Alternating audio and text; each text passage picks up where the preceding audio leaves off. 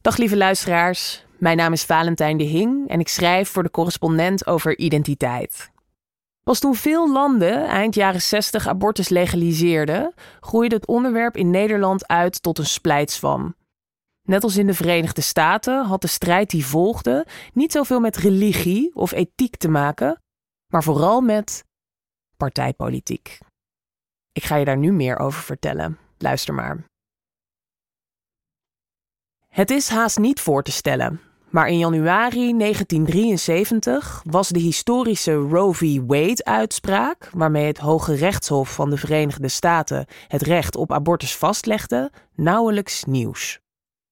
De beroemde nieuwslezer Walter Cronkite opende er weliswaar het CBS Evening News mee, maar het item duurde nog geen 3,5 minuut. Hoewel president Richard Nixon publiekelijk tegen abortus was, vond het Witte Huis het niet nodig om commentaar te geven. Nixons stafchef zou Roe v. Wade niet eens in zijn dagboek memoreren. Het overlijden van oud-president Lyndon Johnson diezelfde dag was voor hem, net als voor veel andere Amerikanen, een opmerkelijker nieuwtje. Hoe anders is het nu? Toen anderhalve maand geleden uitlekte dat het Hof voornemens was Roe v. Wade en daarmee het recht op abortus terug te draaien, stroomde het plein voor het Hoge Rechtshof vol met voor- en tegenstanders. De dagen erna ging het in de Amerikaanse media over weinig anders. Twitter ontplofte. Kranten stonden bol van foto's van protestborden, van commentaren en opiniestukken. En in de talkshows gingen voor- en tegenstanders van abortus elkaar verbaal te lijf. En toen het Hof vorige week vrijdag Roe v. Wade daadwerkelijk verwierp, verdrongen de journalisten zich om de tranen van geluk en afschuw van de betogers vast te leggen. In 50 jaar tijd veranderde abortus van een thema dat amper het nieuws haalde in een van de heetste politieke hangijzers. En niet alleen in de Verenigde Staten, maar ook in Nederland. Hoe dat kwam? Partijpolitiek. In de Verenigde Staten begon de grote maatschappelijke verdeeldheid over abortus in 1972 met de verkiezingscampagne van toenmalig president Richard Nixon. Amerikanist Sarah Polak zegt hierover: Nixon zag als eerste dat het politieke winst op kon leveren om pro-life, dus tegen abortus zijn, als republikeins thema te claimen. Dat het een scheidslijn kon worden die in zijn voordeel uit kon pakken. Einde citaat. Want voor die tijd was abortus misschien een taboe, toch voerden artsen in de Verenigde Staten rond 1930 naar schatting bijna een miljoen abortussen per jaar uit. Hoewel niemand erover sprak en de uitvoering ervan illegaal was, was abortus dus verre van zeldzaam. Dit stille gedoogbeleid veranderde met de opkomst van de vrouwenbeweging en de seksuele revolutie van de jaren 60. De tweede feministische golf bracht onderwerpen als gezinsplanning en anticonceptie onder de aandacht. En er werd voor het eerst actie gevoerd voor veilige en toegankelijke abortussen. Daarmee ontstond volgens Polak ook weerstand. Ze zegt: Met name katholieken waren traditioneel tegen abortus, in lijn met alle stereotypen. Veel kinderen krijgen en het geloof dat leven begint bij de bevruchting. Bovendien was abortus nog steeds wettelijk verboden en werd er steeds harder tegen opgetreden. Polak vertelt: Shirley Wheeler, een vrouw uit Florida, belandde in 1970 zelfs in de gevangenis omdat ze een abortus had gehad en niet wilde zeggen welke arts die uitgevoerd had. Zij werd een symbool in de strijd voor vrouwenrechten, omdat het ongebruikelijk was dat niet de arts, maar degene die een abortus had ondergaan, werd opgepakt. Die zaak riep veel emotie op. Abortus was rond 1970 dus heus wel iets waarover mensen van mening verschilden. Maar de soms felle discussies werden vooral in de marge gevoerd, tussen relatief kleine groepen. Democratische en republikeinse kiezers waren in gelijke mate voor en tegen abortus. En die verdeeldheid werd ook binnen de partijen zelf weerspiegeld. Zo werd abortus in de staat New York in 1970 gelegaliseerd op het moment dat zowel het parlement als het gouverneurschap in handen van de Republikeinen was. Het Roe v. Wade-vonnis werd uitgesproken door een hof waarin conservatieve opperrechters de meerderheid hadden. En nadien liet Betty Ford, vrouw van de latere Republikeinse president Gerald Ford, weten blij te zijn met de uitspraak. Nixons campagneplan om van abortus een republikeins heilig huisje te maken zette echter door. Dat kwam onder andere door een grote politieke verschuiving onder witte kiezers in de zuidelijke staten, waar de zwarte bevolking in de jaren 60 burgerrechten had gekregen van Lyndon Johnson, een democratische president. Sarah Polak vertelt: Er wordt wel eens gezegd dat Johnson met dit besluit het zuiden afschreef. De Democraten verloren daar hun complete white supremacist aanhang. Een enorm electoraal blok is toen gewisseld. Veel witte democratische kiezers stemden in één keer republikeins. In deze grote herschikking zagen de Republikeinen kans om mede via de abortuskwestie nieuwe groepen kiezers aan zich te binden. Bijvoorbeeld de katholieke arbeiders, die traditioneel vaker democratisch stemden. Daar komt bij, vervolgt Polak, dat computers en rekenmodellen steeds beter konden voorspellen wat het electoraat wilde of wat doelgroepen wilden. Daarmee kon je strategisch campagne voeren. Zo werd het steeds interessanter om kwesties te vinden die de bevolking zouden splijten, waarbij jouw partij dan net iets meer dan de helft van de kiezers zou krijgen. Kortom, er lagen electorale blokken voor het oprapen en het werd steeds beter modelleerbaar hoe je die kiezers het beste aan je kon binden. Polak zegt: Abortus is in die zin dus een soort gateway issue geworden die zowel katholieken als protestanten verenigde onder de paraplu van de Republikeinen. Toch zou het nog jaren duren voordat de Republikeinse Partij het anti-abortuskamp zou worden dat het nu is. Wat dat betreft ging het er in de Nederlandse politiek aan het begin van de jaren 70 een stuk harder aan toe. Waar abortus in de VS pas in de jaren na Roe v. Wade echt een rol ging spelen in de partijpolitiek, zorgde het thema in Nederland vrijwel direct na de jaren 60 voor politieke splijting. Een belangrijke reden daarvoor was de legalisering ervan in het buitenland, vertelt historicus Emiel Geurts van de Radboud Universiteit. Sinds 1911 was abortus in Nederland strafbaar als misdrijf tegen de zeden, al dus Geurts. Maar in 1968 werd het in het Verenigd Koninkrijk gelegaliseerd. Welgestelde Nederlandse vrouwen konden nu naar het VK reizen om daar een abortusingreep uit te laten voeren, soms tegen woekerprijzen. Dat trok abortus in Nederland uit de verdomhoek. Geurt zegt: Er kwamen organisaties die vluchten charterden om vrouwen naar Londen te brengen. Dat zorgde voor zichtbaarheid. Politici realiseerden zich toen dat het echt een thema was. In Den Haag rees ondertussen de vraag of deze situatie wel eerlijk was. Alleen als je geld had, was abortus een optie.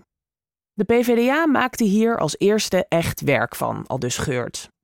In 1970 kwam de PvdA met een eerste, heel progressief initiatiefwetsvoorstel, waarin de zelfbeschikking van de vrouw voorop stond. Het leven van het ongeboren kind kwam op de tweede plaats. In dit wetsvoorstel stond bijvoorbeeld dat de strafbaarheid van abortus kwam te vervallen, tenzij deze werd uitgevoerd door iemand die geen arts is. Daarbij werd expliciet vermeld dat de abortus niet in een erkende kliniek hoefde te worden uitgevoerd.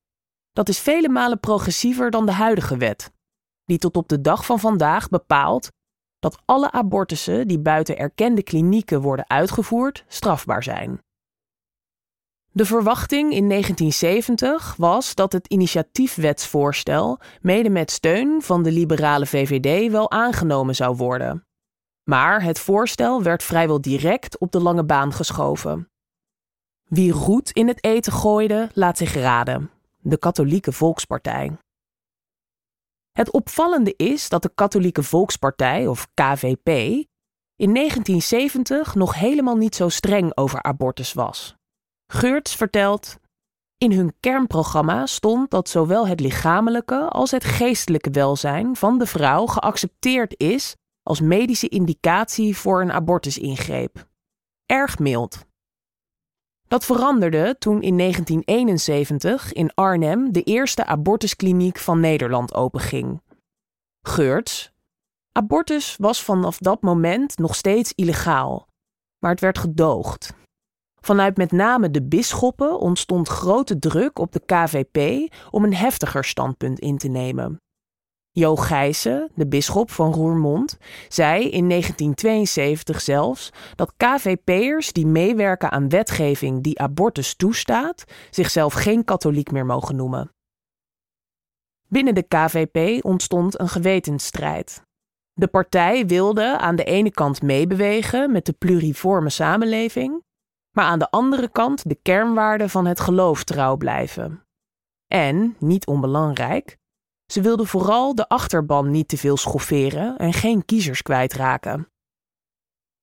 Confessionele partijen als de KVP stelden zich wat betreft abortus tijdens verkiezingscampagnes begin jaren 70 bewust behoudend op, om geen kiezers te verliezen aan andere christelijke partijen.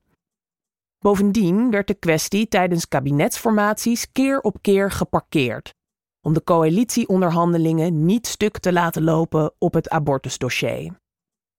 Die conservatieve lijn leverde ook op andere manieren politiek gewin op. Geurt vertelt erover. Tijdens de Bloemenhoven-affaire in 1974, waarbij toenmalig minister van Justitie Dries van Acht van de KVP tevergeefs een abortuskliniek wilde laten sluiten omdat er abortusingrepen na 20 weken zwangerschap werden uitgevoerd, ontving Van Acht een ongeëvenaarde hoeveelheid brieven en steunbetuigingen van kiezers. Van Acht werd daarna ook echt als een held op het schild gehesen en zou uiteindelijk een leidersrol krijgen in het nieuwe CDA. Net als in de VS bracht abortus de katholieken en de protestanten politiek samen. Het CDA, zoals het er nu is, stelt Geurt, had abortus nodig om zich te kunnen profileren als de partij van het herstel van de christelijke waarden. Tussen de Katholieke Volkspartij, de Antirevolutionaire Partij en de Christelijke Historische Unie, de voorlopers van het CDA, waren heel wat meningsverschillen. Maar op het punt van abortus konden ze elkaar vinden. Bij andere partijen leverde het juist verdeeldheid op. Rond 1975, vertelt Geurt, was er een ruime parlementaire meerderheid voor het legaliseren van abortus. Toch strandde een gezamenlijk wetsvoorstel van PvdA en VVD uiteindelijk in de Eerste Kamer, omdat een aantal VVD-senatoren tegenstemden. Dat kan meerdere redenen hebben gehad, zegt Geurt. De senatoren wilden wellicht een toekomstige samenwerking met de KVP veiligstellen, de kiezers in Zuidelijk Nederland aan de VVD binden of ze waren het niet eens met de samenwerking met het PVDA. Hoe dan ook speelde partijpolitiek een doorslaggevende rol. Toen de wet afbreking zwangerschap in 1981 eindelijk werd aangenomen, was het in Nederland snel gedaan met de felle politieke strijd rondom abortus, vertelt Geurt. Er was nog wel wat kritiek eh, vanuit conservatieve en feministische hoek over dat de wet te ver of juist niet ver genoeg ging, maar geen rep en roer meer in het politieke landschap. In de VS ging het anders. Daar was de polarisatie omtrent abortus sinds Roe v. Wade alleen maar toegenomen. Het terugdraaien van de garantie op het abortusrecht van vorige week is het resultaat van deze decennia lange polarisatie. Het opmerkelijke is dat het pro-life kamp relatief klein is, maar dat hun standpunt over abortus leidend is geworden voor de partijlijn van de Republikeinen. Vooral omdat die partij, overigens net als de Democraten, electoraal gezien garen spint bij een politiek landschap vol scherpe scheidslijnen en heldere tegenstellingen. Abortus, bij uitstek een emotioneel geladen thema, leent zich daar uiterst goed voor. Juist daarom moeten we oppassen met de berichtgeving over de abortuskwestie in de VS, waarschuwt Sarah Polak. Het politieke spel, zegt zij, vooral in Amerika, is tegenwoordig endlessly engaging. Veel mensen voelen zich niet politiek betrokken, maar tegelijkertijd is abortus een onderwerp waar iedereen op wil reageren, iets over wil zeggen, een meme over wil delen. Je kunt altijd op de een of andere manier participeren. Terwijl je ook kunt denken: waarom liggen we niet net zo wakker van, bijvoorbeeld, de oerconservatieve abortuswetten in sommige Europese landen? Vergeleken met de VS staat het abortusrecht hier vele malen steviger. Toch hebben rechten ook altijd een bepaalde mate van broosheid. Met name christelijke partijen boeken de laatste jaren, ook in Nederland, kleine maar belangrijke overwinningen op het abortusdossier. Bovendien staat abortus hier dus nog steeds, tot op de dag van vandaag, in het wetboek van strafrecht. En niet alleen confessionele Kamerleden, maar ook leden van partijen als Ja21, Forum voor Democratie, Boerenburgerbeweging en Partij voor de Vrijheid stemden onlangs tegen het afschaffen van de wettelijke bedenktermijn van vijf dagen bij abortus. Het voorstel haalde alsnog wel een meerderheid. Waar abortusskepsis eerst vooral een scheidslijn tussen christelijke en niet-christelijke partijen trok, past het nu binnen een bredere cultuurconservatieve trend. Als we iets kunnen leren van de lange geschiedenis van het abortusdebat, dan is het dat het werkelijke gevaar schuilt in het politieke gewin dat abortusskepsis op kan leveren. Abortus is geen heet hangijzer, het is door politici tot heet hangijzer gemaakt. Nu de stemming over abortus opnieuw op de spits gedreven wordt, loont het om scherp te zijn op wie dat doen en waarom.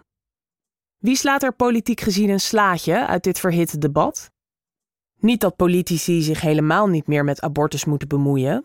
Uiteindelijk vertegenwoordigen zij ons en maken zij wetten.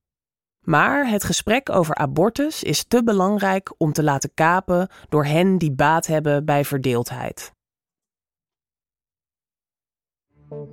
Het is de missie van de correspondent om voorbij de waan van de dag te gaan. Onze correspondenten voorzien het nieuws van context en schrijven over de grote thema's van deze tijd. De correspondent geeft me de vrijheid om mijn nieuwsgierigheid te volgen en de tijd om verhalen te schrijven. En zo probeer ik onzichtbare structuren zichtbaar te maken en een andere kijk te bieden op debatten die het nieuws domineren.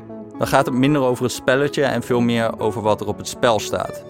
Vanaf dag 1 zijn onze artikelen, boeken en podcasts gefinancierd door onze leden. Volg ons op onze journalistieke zoektocht. Overwegens lid te worden van de correspondent. En maak daarmee samen met ruim 70.000 anderen onze onafhankelijke journalistiek mogelijk. Dus word lid van de correspondent. Ja. Word lid. Word lid.